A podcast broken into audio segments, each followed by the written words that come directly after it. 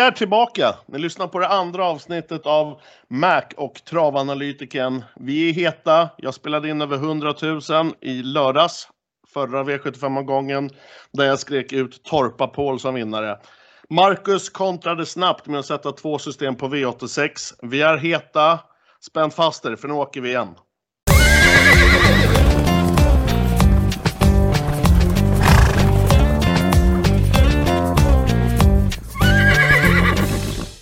Vi är alltså tillbaka, Marcus, med det andra avsnittet av vår nya podcast och jag får hälsa dig hjärtligt välkommen.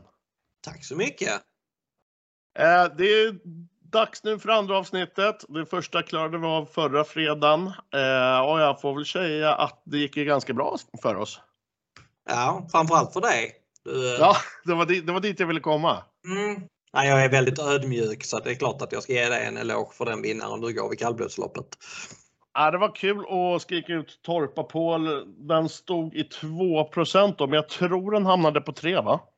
Ja, så kan det nu vara. Eh, den, den, var riktigt bra faktiskt och det var kul att få skrika ut den. Eh, för övrigt så var det ju en sjukt svår omgång där 7 rätt till slut hamnade på, det var 5,5 miljoner va? Mm. Men du hade 6? Jag hade 6 rätt. Eh, det blev många sexer. Eh, på det systemet, det var travanalytiken 300, så tror jag vi fick tillbaks 45 000 om jag minns rätt. Så grattis till er som var med på travanalytiken 300. Eh, men du blev ju förbannad och kontrade direkt på onsdagen. Kan du berätta lite om din V86-succé? Ja, jag satte två system då, så det var rätt roligt. Det hade ju kunnat bli så mycket bättre, men så är det ju ofta tyvärr.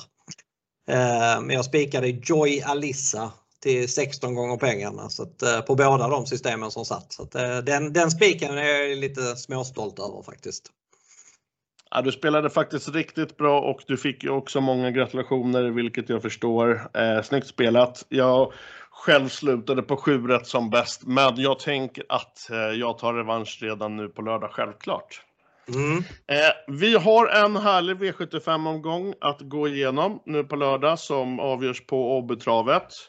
Vi har sto-SM, vi har European Championship för treåringar och femåringar, det är Monté-SM, det är ungdoms-SM. Det, det, är en härlig omgång, eller hur? Ja, och Europaderbyt också va? Ja, både det ena och det andra. Hörru. Mm. Två miljoner äh, vinnaren i Europaderbyt, det är rätt stort om jag säger så. Det är det ju självklart. Det är häftiga lopp eh, som vi ska gå igenom. Eh, så vi kommer att gå igenom varje V75-lopp för er lyssnare. Eh, vi kommer även ha dagens gäst som idag blir Kristoffer Eriksson. Känd kusk med hemmabana Jägersro som även är en god vän till dig Marcus. Mm, han tränar eh, Möllanhäst också. Den ska vi fråga om givetvis. Det måste vi göra. Är, du pratar alltså om Manifest Bocco? Precis, precis. Precis, det får vi inte glömma, så skriv upp det. Mm. Eh, förutom att gå igenom V75 ska du få ställa mig mot väggen. Vi ska, eller jag ska även skrika ut ett eh, speltips inom sportsbetting, så rygga det spelet. Men vi är snart tillbaka och då kommer vi gå igenom V75 1. Det är alltså sto-SM.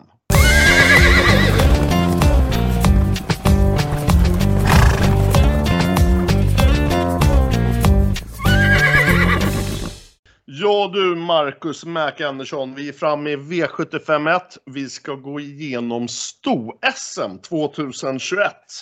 Som avgörs alltså på Åbytravet och det är 21.40 autostart. Mm. Eh, jag tänker väl att den, den här omgången är okej okay för dig, eh, min kära vän, att jag börjar. Jag börjar du. Mitt första val hamnar här på nummer ett, Dixie Brick. Passande spår med Jorma Kontio i sulken.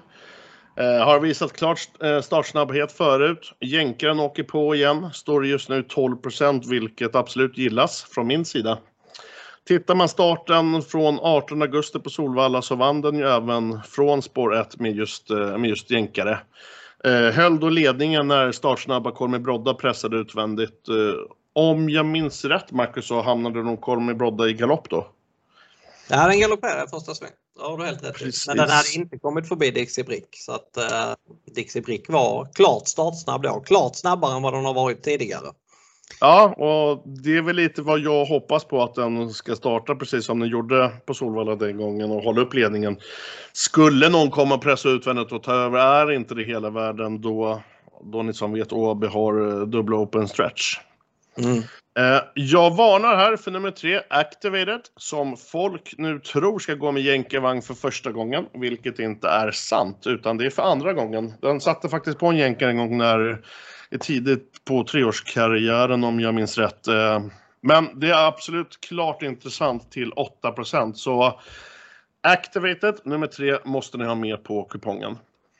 Favoritskapet här enligt eh, spelarkollektivet har hamnat på nummer 6, Hanne Miras med Örjan Kihlström.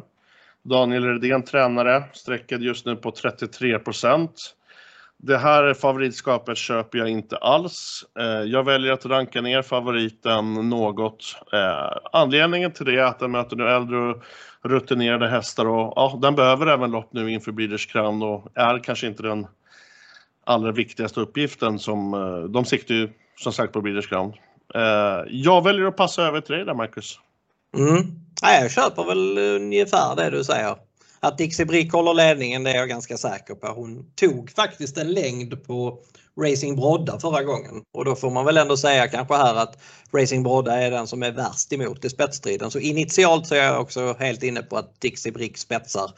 Vad gäller Activated så tycker jag att ja, jänkarvagnen är jätteintressant men även att hon ska gå med helstängt tycker jag är, det är nästan ännu mer intressant. Hon har gått med norskt på slutet.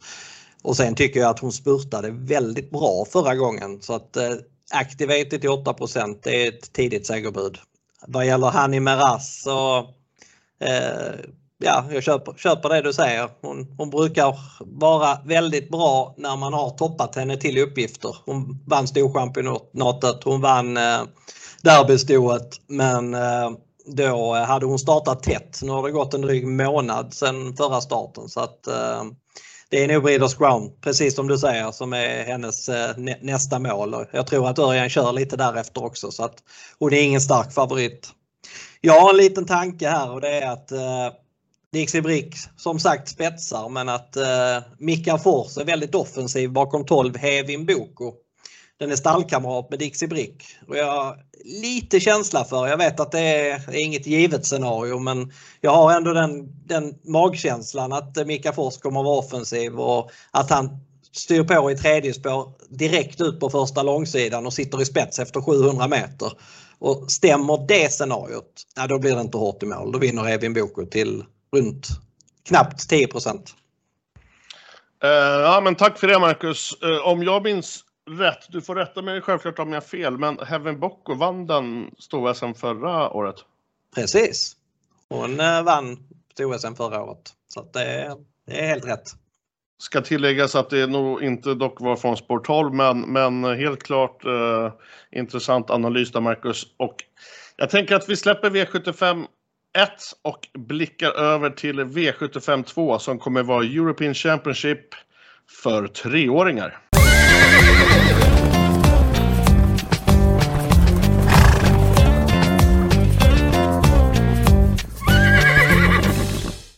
Vi blickar alltså över till V75 2 som också är ett 2140 autostart och det är alltså European Championship för treåriga hästar. Eh, rätt häftigt lopp. Det här är, tycker jag, ett väldigt svårlöst lopp. Öppet lopp. Men mitt första streck hamnar faktiskt på nummer 5, Aquarius Face. Det är en tuffing, det är en mogen treåring som, som jag vet tål offensiva uppdrag. Eh, och det låter lite som att Adrian kommer köra till i början och då tycker jag faktiskt att 15% är för lite. Här lyfter jag varningens finger. Eh, det är egentligen mitt skrälldrag för hela omgången och det är nummer 9, Kentucky River, spelad till 2% Och här rycker man både skor och samt, samt sätter på en jänkarvagn. Jag vet att Konrad håller denna högt. Vad tror du om den skrällen, Marcus? Den var du inte beredd på, eller? Mm, nej, det var jag inte. Den har jag rätt bra koll på den nästan. Den är ju från Jägersro och Jägersro är min hemmabana. Eh, det är klart att det är spännande ändringar med barfota och jänkarvagn dock vill jag ändå säga så med Konrad Lugar och barfota. Det är inte lika intressant som det är hos många andra tränare. Eh, han, eh, det känns lite som ett, i min värld, ett desperat försök och att hitta en förbättring på en häst som han inte tror duger i sammanhanget. Det, det för, lite för ofta som det, som det slår åt fel håll när han rycker skorna tycker jag. Ja, ja men grym, grym info. Eh, jag ska tillägga där att förutom eh, fem Aquarius Face och nio Kentucky River så har jag även spelat nummer tre. Eh, se, eh, hur talar man det Marcus förresten? Siak B. ja, med Jorma. Den har jag även i A-gruppen. Även nummer fyra Ironsong med David. Eh, så jag har fyra stycken hästar i A-gruppen, vilket är ganska ovanligt för att vara mig. Men som sagt, det är ett väldigt öppet lopp och mitt tips till er lyssnare är väl att försöka sträcka på här. Mm. Eh, är det något annat som du vill tillägga om eh, V752, Marcus? Ja, alltså det här loppet är ju väldigt lurigt. sju svenskar, två fransmän, en italienare, en norrman och ja, det var någon, någon annan eh, nationalitet på någon också tror jag. Men jag har kollat rätt mycket i arkiven här kan jag säga. Och jag tror faktiskt att det står mellan de franska hästarna. Eh, fyra Ivensong och åtta Invictus Madiba.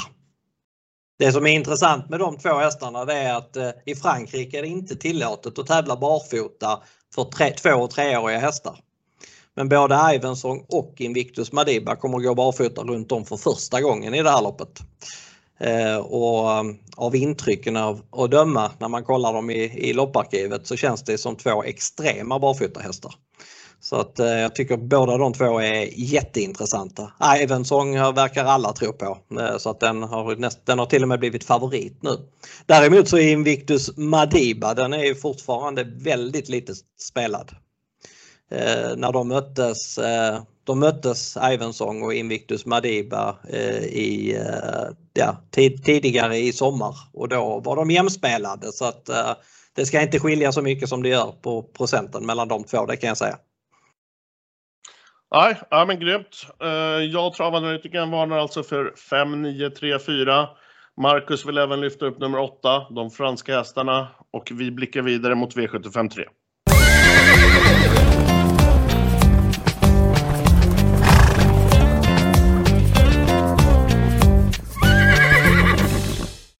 Vi har gått igenom V75 1 och V75 2 och lägger nu ögonen på V75 3 där Monté-SM ska avgöras. Eh, det är nummer 3, Mind Your Value, med Erik Raffin som är eh, klar favorit faktiskt till 55 procent. Eh, ja, man vill ju alltid fälla hästar, Marcus, som är högt spelade, men eh, jag själv tycker det ser väldigt lämpligt ut för favoriten. Eh, som sagt sträcker 55% Jag köper det. Jag kanske även köper högre än så. Kollar man eh, Monteloppen som den här hästen har gjort så är det klart imponerande. Jag vet även att man har siktat just till denna start en längre tid.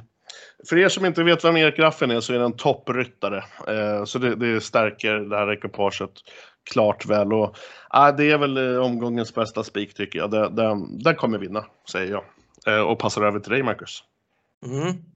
Jag tycker också att den är klar första häst. 55% är väl, ja det är som du säger, det är, det är ju inte för mycket. Jag kanske tycker att det borde ligga där runt 50-55. Men jag, jag, tycker att Rajesh Face är en tuff motståndare. Han eh, var med i Monte-SM förra året och stod i 1,95 då i, i odds. Han förlorade mot Galactica eh, från ledningen men eh, jag tror att han är ett strå vassare i år faktiskt. För att han har gått, eh, han har sett väldigt bra ut i årets eh, två starter. Och han kommer förmodligen komma till ledningen och dra hårt. Så, och är han då som, som han var vid, vid några starter förra året så, så, skulle han kunna utmana men jag håller med om att Mind Your Value VF har klart störst chans att vinna loppet. Men jag kommer nog gardera med Rajesh Face på ganska många system i alla fall. Ja, eh, jag ska tillägga där att jag har också Rajesh Face först i B-gruppen. Jag har då ensam i A-gruppen, nummer tre Mind your value. Eh, men jag har svårt som sagt att se den förlora. Men ska man gardera så ska ju självklart nummer två Rice Face med på kupongen. Eh, jag kan inte bjuda direkt egentligen på några skrällar i det här loppet eftersom jag känner mig väldigt trygg eh, med det här singelsträcket. Eh, så jag tänker att vi går över till V75 4.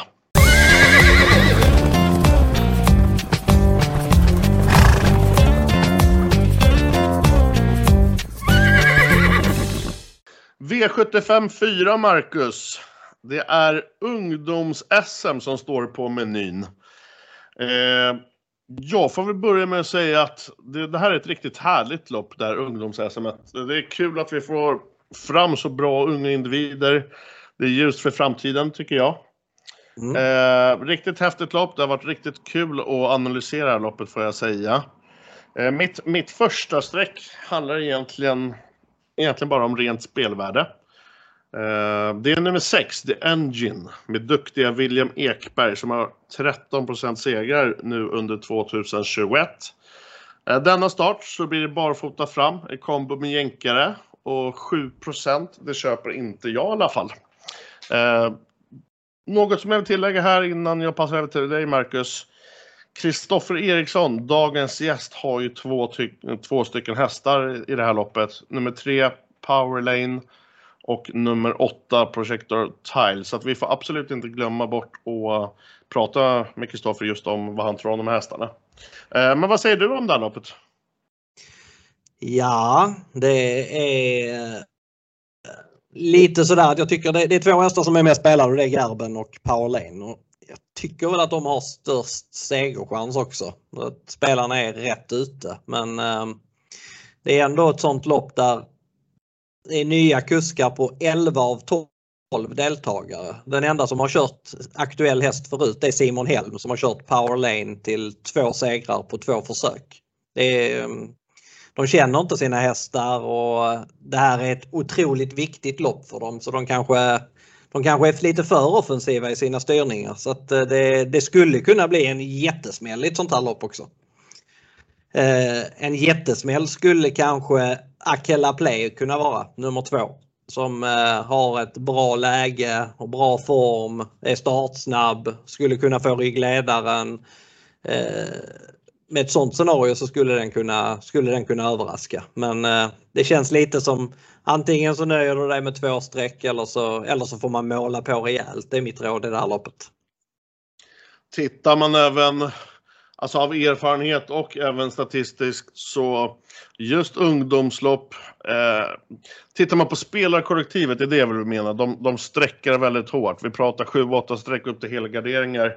Så vill man, vill man skaffar sig lite försprång så är ju ett singelsträck eller ett lås och, eh, föredra. Men det är väl kanske ett lopp också som kräver, som du säger, väldigt, väldigt mycket streck. Eh, mm. Akela Play var kul att du nämnde. Det är min rank 4. Eh, till 2% så är den ju jätteintressant. Min topp 5 i ranking lyder 6, 7, 3, 2, 9. Eh, något annat du skulle vilja ta upp med det här loppet. Nej, förlåt Marcus, jag är ju på fel lopp. 6, 9, 7, 3, 5. Och två kanske. Okej, okej, okej. Ja, jag, jag, var för snabb där. Jag, var, jag, jag ville gå över på V75 5 och prata Etos Kronos med det och då, jag blev ju så exalterad så att jag, jag, jag var lite snabb där. Ja, Men ungdomshästar, är det något du vill tillägga? Nej, faktiskt inte. Jag tycker vi har tagit det mesta. Nej, men då får vi äntligen gå över till det loppet då. Ja. Grymt.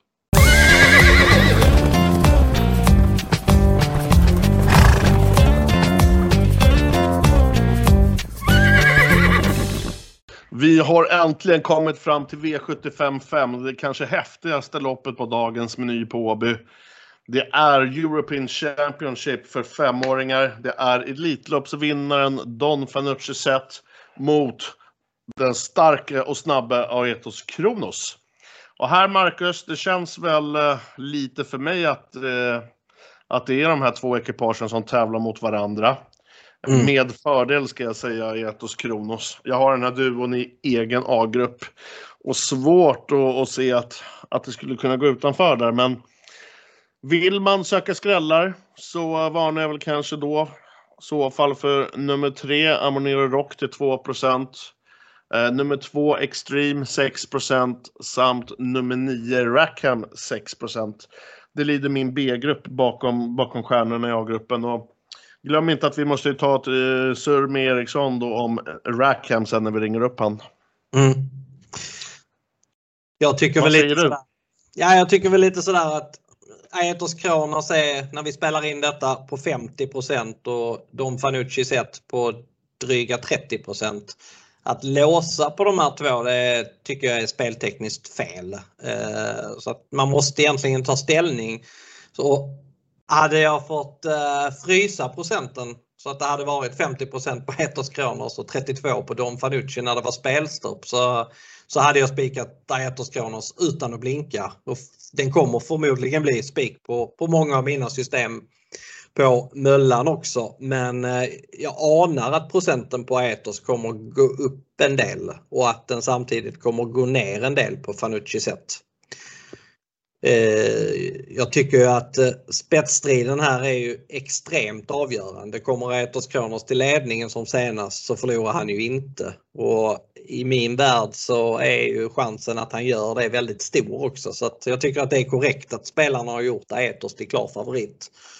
Eh, han, han borde helt enkelt vinna detta loppet bara han är som senast.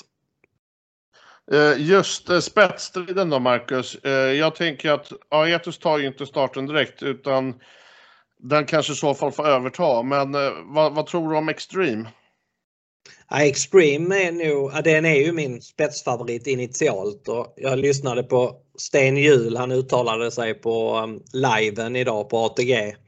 Och han sa ju inte rakt ut att han skulle släppa ledningen men jag har pratat en hel del med Sten Hjul tidigare och det hördes ju på honom att eh, han kommer inte svara Etos till varje pris om jag säger så. Och Aetos, många tror att det var första gången någonsin som Aetos Kronos öppnade bra förra gången. Eh, det var det inte. Utan han har, han har öppnat bra tidigare också. Han öppnade bland annat bra i Kymi Grand Prix från innerspår i, i eh, våras, eh, somras, ja, i juni, 19 sjätte för fyra starter sedan. Då öppnade han bra från innerspår där. Eh, kunde inte svara Next Direction som kanske är en av de startsnabbaste hästarna som finns i Norden. Men eh, han, han var tvåa ut och öppnade väldigt bra. Så att, eh, en sak som var väldigt intressant som det inte har stått någonstans förra gången med Etos Kronos. Han var ju väldigt het i spets förra gången som, som du kanske såg. Ja. Eh, om man kollar noga på på, på eh, loppreprisen så ser man att eh, den ena skygglappen till det norska huvudlaget hade åkt ner och jag tror det var det som gjorde honom så pass pigg och kanske också det som gjorde att han öppnade så pass bra den gången. Så att eh, det hade varit intressant att se honom med ett helstängt huvudlag. Eh, för nu, förra gången blev det ett halvt helstängt huvudlag så att säga. Eh, det var, det var helstängt på ena sidan och öppet på andra sidan. Ja, precis. Och det jag vill tillägga, eller som du var inne på i början, att det är fel egentligen att låsa. Eh, och, det, och, det, håller jag helt klart med om. Och det, det gör så att jag kommer ta ställning och spika Aetus på mycket. Det jag tänkte om spetsstriden, om Extreme eh, spetsar, så tänker jag att det borde vara enklare för den att, att släppa fram Aetus eh, ifall eh, Magnus Djuse ställer en allvarlig fråga.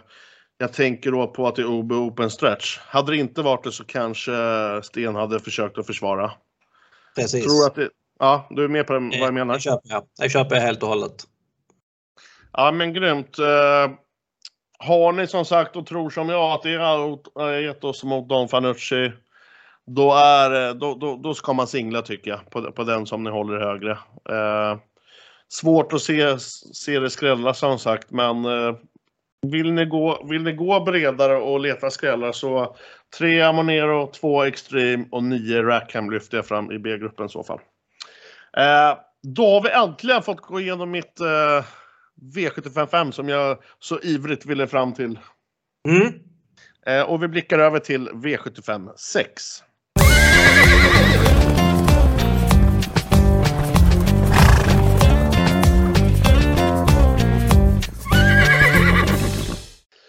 V75 6 på Åby 2140 autostart. Och vi har kommit fram till Europaderbyt. Det här är ett lopp som jag vet du vill prata om Marcus en del. Eh, och här har vi stjärnan Calgary Games i skrivande stund 67 procent som även eh, tar av sig barfota för andra gången tror jag var i karriären. Stämmer det? Mm. Om det nu blir så. Det vet man ju inte riktigt. Om det nu blir, vet man aldrig med den lurige Timo Nurmos. Nej. Eh, men den är anmäld så i alla fall och jag rankar fyra Calgary Games egen A-grupp. Men eh, tokig som jag är så kommer jag väl försöka fälla den här på flera system. 67 det är så jäkla mycket, ursäkta språket. Och vad skulle vi då kunna fälla Calgary Games med? Ja, förutom två Sun såklart. Här lyfter jag varningens finger för nummer 5, Mr Hercules med Örjan Kihlström i Sölken. Eh, spelad just nu till 4 eh, Man ska köras med, med rycktussar, vilket man även testade i träning i veckan och det har verkat funka superbra över förväntan. Eh, jag ska tillägga att i det här loppet så är det 2 miljoner till vinnaren och i de här eh, loppen där pengarna tynger så, så brukar Örjan vara uh, ivrig på, på att ta de främre placeringarna om vi ska säga så. Uh, men utöver det så var ni även för nummer tre, Hirondale Saibi. Kolla starten från 26 september på Vincennes. Wow, vilket intryck säger jag bara. Eh, uh, frågan är, kan de rå på Calgary Games, Marcus? Mm, ja. Det loppet han gjorde i derbyt, det var kanske det värsta lopp jag har sett en häst prestera på svensk mark. Det var, det var ett sjukt, en sjuk insats. Men eh, det här är ett nytt lopp. Så det är inte säkert att den är lika bra imorgon. Eh, men eh, det är klart att han ska vara favorit. Sen kanske jag tycker att eh, jag lyssnade på Björnkollen och det lät, eh, det lät ju faktiskt på Björn som han var sugen på att ta emot med sån Motör. I derbyt så gick Calgary också utvändigt, då utvändigt om Önas Prins. Jag tror det är tuffare för honom att gå utvändigt om San Motör faktiskt. Så att eh, han kan förlora loppet från dödens. Hans segerchans ligger väl kring 55, 60, 60 kanske skulle jag säga. Eh, han är sträckad på 67 och jag tror inte att det kommer gå ner speciellt mycket så att eh, jag kommer nog gardera på rätt många lappar med, med just San Motör och kanske även med din skräll Mr Hercules. Jag tycker också att Ryktussar är, är väldigt intressant. Han borde få ryggledaren och här kan jag tipsa om ett bra spel. Jag såg att eh, eh nätbolagen de har eh, nästan fem gånger på plats på Mr Hercules. Får han ryggledaren, vilket han borde få, så är det ju väldigt stor chans att han är bland de tre. Jag skulle bedöma att eh, platschansen för honom ligger kring 40% Så då är ju nästan fem gånger ett gigantiskt överodds. Då ska jag vara snäll mot dig Marcus nu. Mm. Då ska jag säga så här, gå in och lägg det spelet omgående för travanalytikerna har precis varit inne och, och nätat lite på det du sa. Okej, okej, okej. Så, ja, så, så passa på innan oddsen sjunker. Eh, nej, det var V75 6. Det är ett jäkligt häftigt lopp med Calgary Games som är en riktig stjärna. Det ska bli riktigt eh, spännande att se, se det ekipaget även imorgon.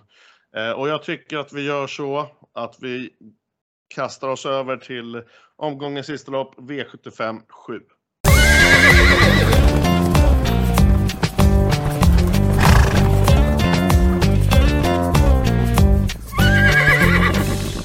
Marcus, vi har kommit fram till det sista loppet denna härliga lördag på Åbytravet. Det är V75 7 och det ska avgöras i svenskt mästerskap 2021. Det är gulddivisionen och det är ett riktigt häftigt lopp. Och ja, eh, vad säger du? Vill, du? vill du börja med att säga något eller ska jag köra på som vanligt? Ja, det är ett riktigt svårt lopp detta. Du har eh, titelförsvararen med, Verry Kronos som är favorit. Tvåa förra året var Million Dollar Rhyme och han vann SM 2019 så att eh, de, de två senaste årens vinnare är båda med i det här loppet. Precis och min första rank det lägger jag på nummer två Brother Bill och anledningen till det är att Brother Bill har fått ett perfekt utgångsläge, står på tur. Eh, gjorde en väldigt bra insats i döden senast då Million Dollar Rhyme vann. Eh, nås ledningen, vilket jag tror, så är ju 15% väldigt tacksamt. Eh, jag placerar en häst till i A-gruppen och det är nummer 6, Garrett Bocco. Spelar till föga 5% bara och där säger jag tack. Jag känner Darko, en av ägarna, en grym krögare i Stockholm. Och Garrett Bocco har ju varit ute i tuffa lopp mest hela tiden nu tycker jag. Och jag tycker han är betydligt bättre än vad raden visar. Så ni som lyssnar på detta, låt er ej luras av Gareth Boccos rad för att det har, det har varit riktigt eh, svettiga lopp. Där bakom så lyfter jag väl kanske ett litet varningsfinger för Diamanten som, ja, där borde väl vara spelat kanske lite mer än 4 tycker jag. Eh, har du något annat att bjuda på Marcus? Mm, ah, ja, det har jag väl. Jag tycker loppet är ruggigt svårt. Jag tycker Verikronos är bästa hästen. Han vann som sagt förra året men jag har ändå svårt att se något scenario där han vinner faktiskt. Eh, det skulle vara om det, det enda scenario jag ser som att han skulle kunna vinna loppet det är om han eh, kommer fram utvändigt ledaren och då ska han slå ledarhästen och stå emot smygkörda hästar bakifrån. Det, det låter tufft så att jag, jag har ingen riktig magkänsla för Verre Kronos. Jag håller med dig om att Brother Bill borde vara favorit från, ett, från det läget han har. Han borde komma till spets.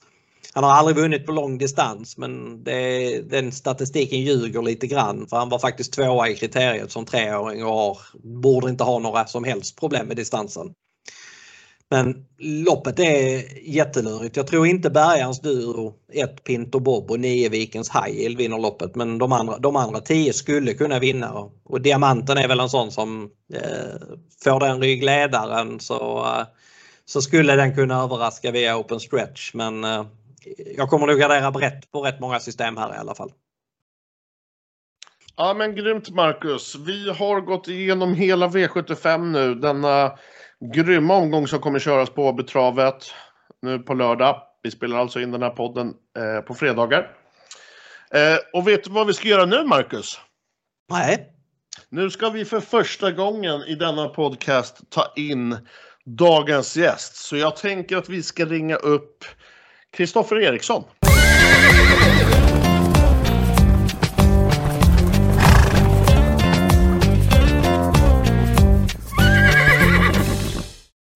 Vi ska alltså ta in podcastens första gäst i programmet. Och Marcus, jag tänker att vi ska ta in Kristoffer Eriksson. Ja, det blir spännande va? Det tycker jag är klart spännande och anledningen till varför vi gör det är att i V754 så är, eh, är det ju ungdoms-SM och Kristoffer har ju två stycken hästar till start där. Sedan har han ju även Rackham i V755 så jag tänker vi, vi ringer väl upp honom och kollar lite vad, vad han säger. Ja, jag ringer nu. Ja men grymt. Hallå. Hallå ja. Du, nu är du eh, med i podden. Vi spelar in direkt. Ja. Du är vår första gäst i min och travanalytikerns podd. Mm. Ärofyllt. Ja, ärofyllt, eller hur? Eller hur? Och du har, är ju även tränare till Möllans eh, andelshäst Manifest Boko. Har du någonting att säga om den? Uh, ja, det är en jättefin häst uh, som heter Manifest Boko. Han kom, är två år gammal, han kom för uh, tre, fyra månader sedan.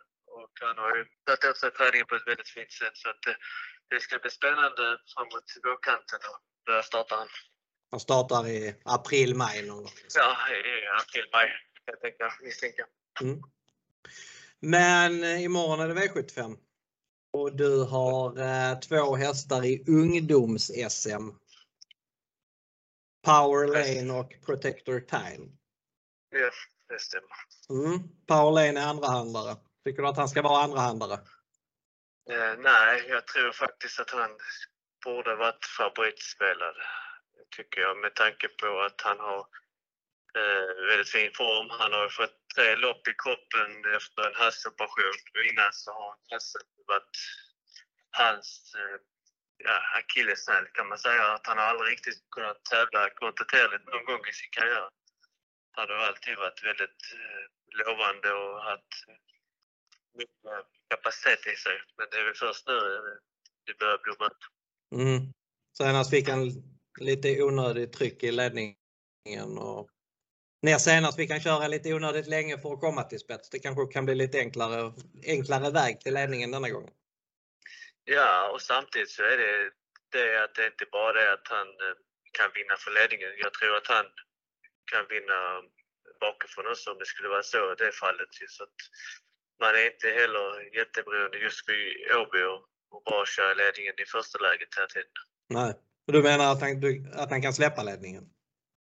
Det kan han göra det också om han känner för det. Det är inte jag som kör, det är Simon som kör men mm. han fixar nog bägge varianterna om man säger. Och jag tror att han kommer vara lite vassare med den där genomköraren senast.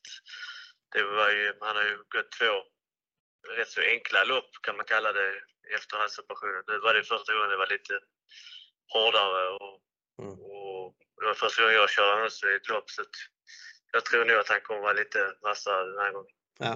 Jag vet ju, jag pratar med dig en hel del och jag vet ju att du håller honom väldigt högt. Du, du nämnde tidigt att det var när han var tre år gammal att det var han och, och Rackham som var stallets bästa hästar.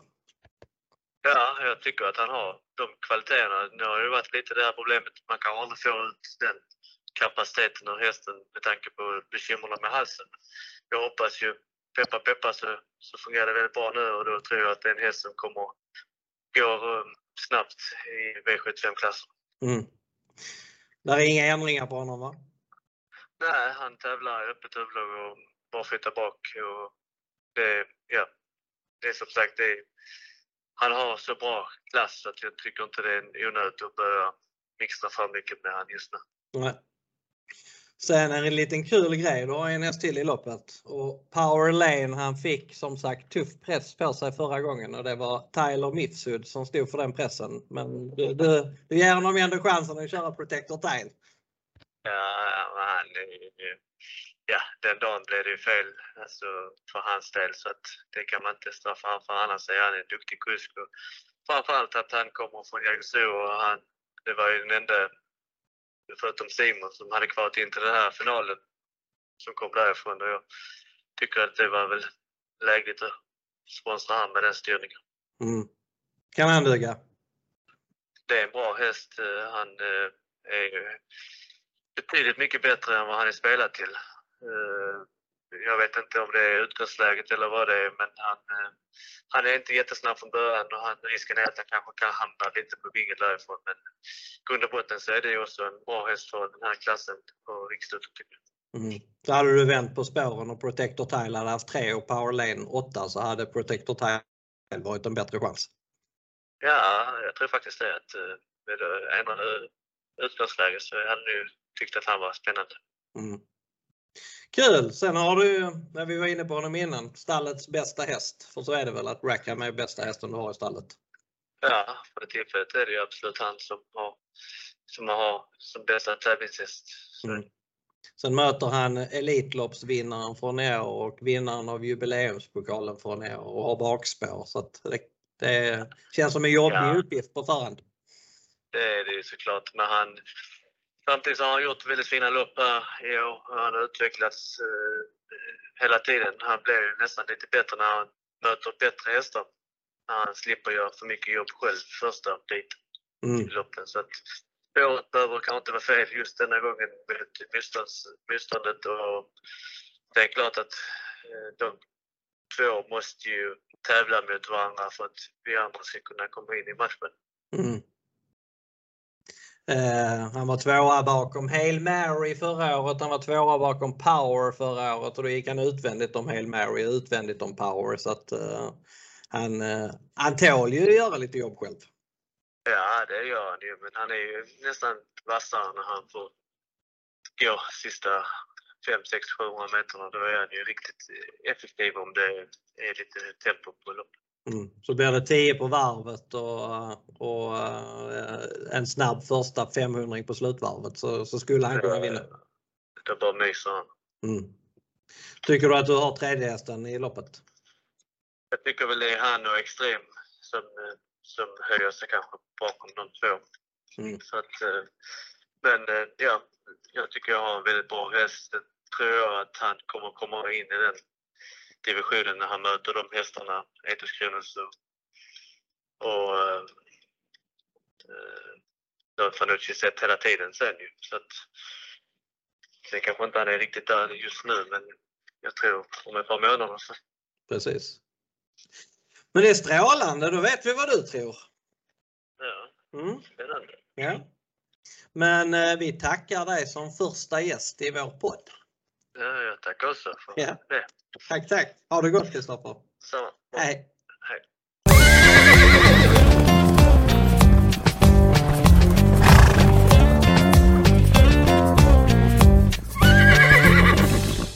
Ja men härligt Marcus att få snacka lite med Kristoffer Eriksson. Det var vår första gäst eh, och jag kan eh, redan avslöja nu att nästa vecka kommer vi få en, eh, en tipsexpert som dagens gäst. Och det visste du inte?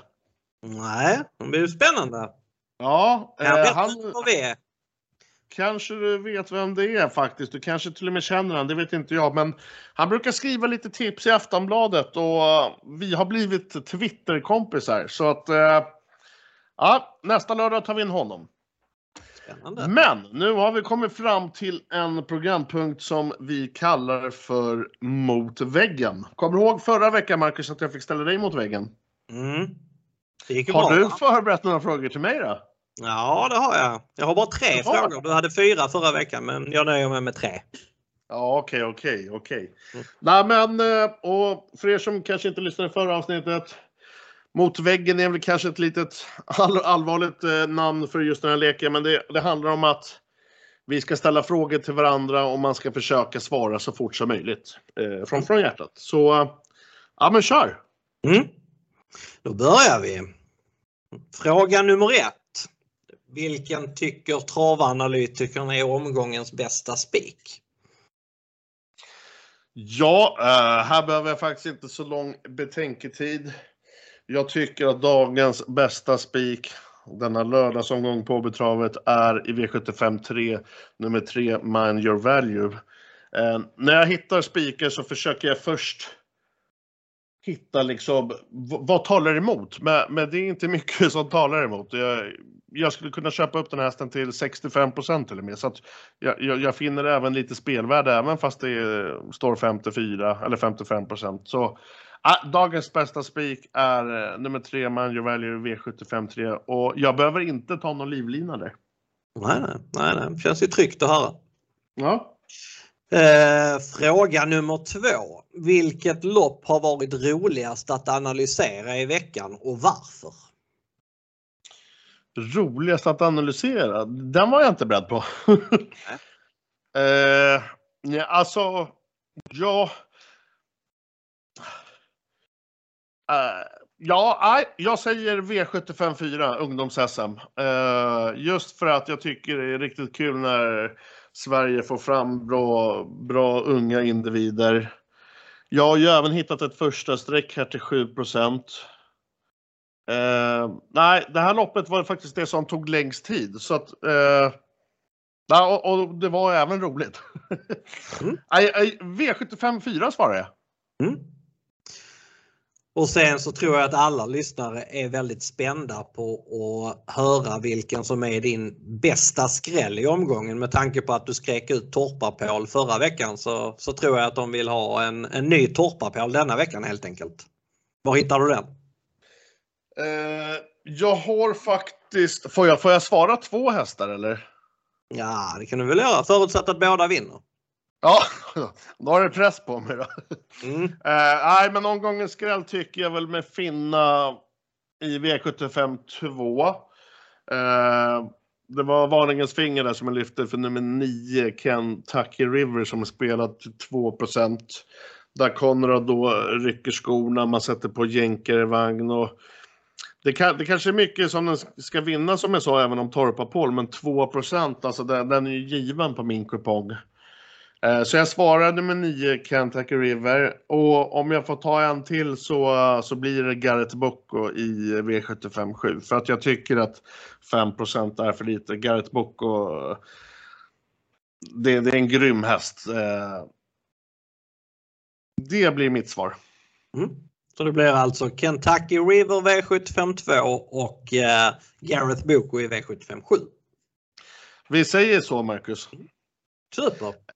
Ja, men då har vi konstaterat att du även får ställa mig mot väggen så det står 1-1 där på schemat. Och tack för det Marcus. Ja, du lyckades faktiskt ganska bra får jag säga. Tack för det.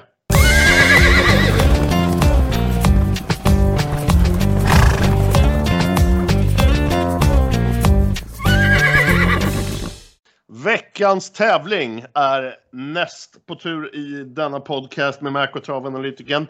Marcus, kommer du ihåg att vi tävlade förra veckan?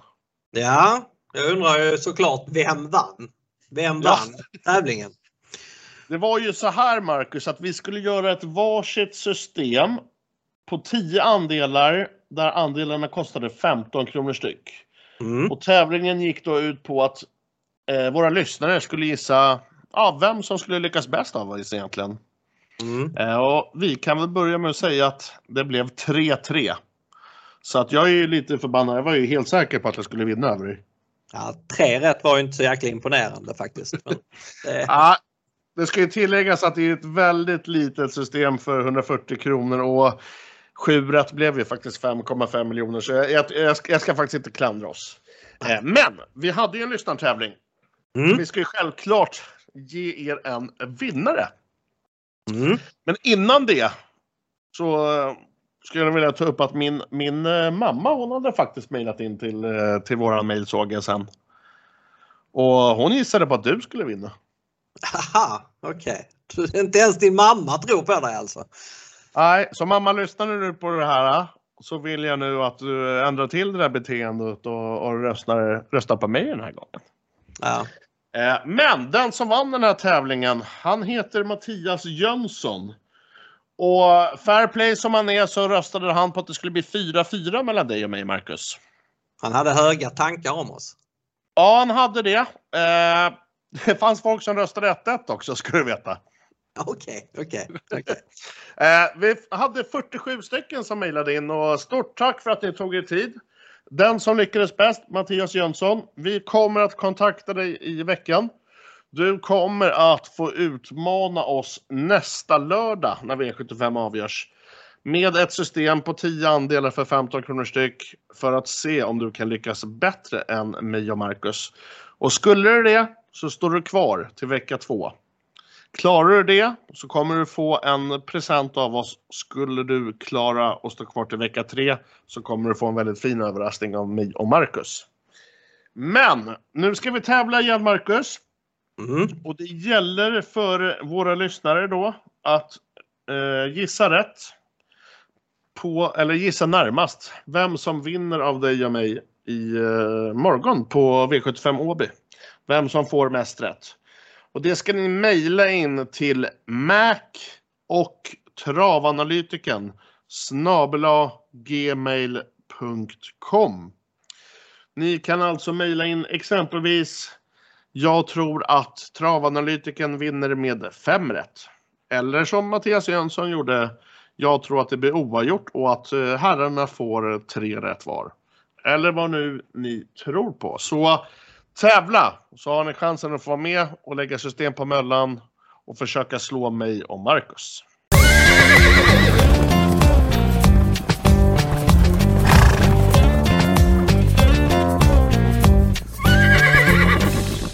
Vilket roligt avsnitt det här var tycker jag.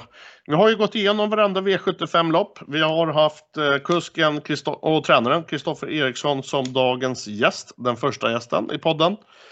Vi har uh, gått igenom veckans tävling. Vi har, eller du har fått ställa mig mot väggen. Det känns ändå som, det känns som jag glömt något. Ja, vi har ju ett uh, poddsystem på Möllan. Ja, härligt Marcus. Jag och Marcus, vi gör ett system ihop som grundar sig på analyserna från den här podcasten som heter Mac och Travanalytiken Podcast. Det systemet hittar ni på direkten Möllanspel. Gå in på ATG, tryck på butiksandelar, eh, sök på eh, direkten Möllanspel så kommer ni fram till butiksombudet där jag och Marcus lägger våra ordinarie andelar. Eh, för 333 kronor så eh, får ni en andel i vårt poddsystem då som som sagt heter Mac och Travanalytiken Podcast som grundar sig på analyserna som ni hör i den här podden. Så uh, säkra er andel. Eh, Marcus, jag tänkte även vara lite schysst mot lyssnarna. Är du nyfiken? Mm, vad kan det vara? Om jag var dig skulle jag ta fram även en penna och papper för nu kommer jag, Travanalytiken, bjuda på helgens i särklass bästa spel inom sportsbetting. Oj, oj, oj. Jag har pennan framför, framför mig nu och jag har den i handen. Vi, blick, eh, vi blickar fram även här till på lördag. Eh, det är fotboll på menyn. Det är VM-kval, det är Schweiz som kommer ta emot Nordirland och här har jag hittat ett spelvärde med överodds. Mm. Eh, jag kommer spela bortalaget Nordirland plus 1,25. Eh, och för er som inte förstår vad det här spelet innebär så innebär det att vid full vinst eller kryssresultat i matchen så blir det hel vinst. Skulle det bli en uddamålsförlust, exempelvis att Schweiz skulle vinna över Nordirland med 1-0 eller 2-1, så får vi ändå in en halv vinst. Eh, Det här spelet hittas på Bet365 eh, och nu vid poddens inspelning står den i 2.01. Jag och mitt nätverk, vi kommer dunka in ganska mycket nu så Står den i alla fall över 1,88 så tycker jag ni klart ska lägga ett spel på, på den här matchen. Kommer du rygga Marcus? Nej, det är klart jag kommer göra. Ja men grymt!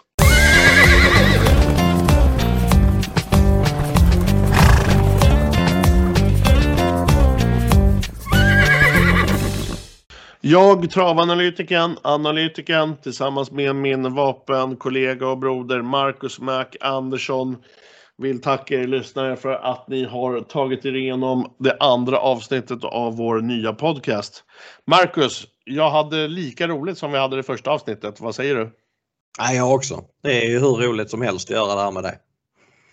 Nej, jag kan bara hålla med. Eh, Jag är spänd på vad vi kan åstadkomma i framtiden. Vi vill egentligen bara tacka er för det här avsnittet. Lycka till nu med V75 på lördag. Hoppas att eh, våran guide eh, till er kan leda till 7 rätt. Annars så gör vi ett nytt eh, försök självklart nästa vecka. Vi tackar er så mycket. På återseende.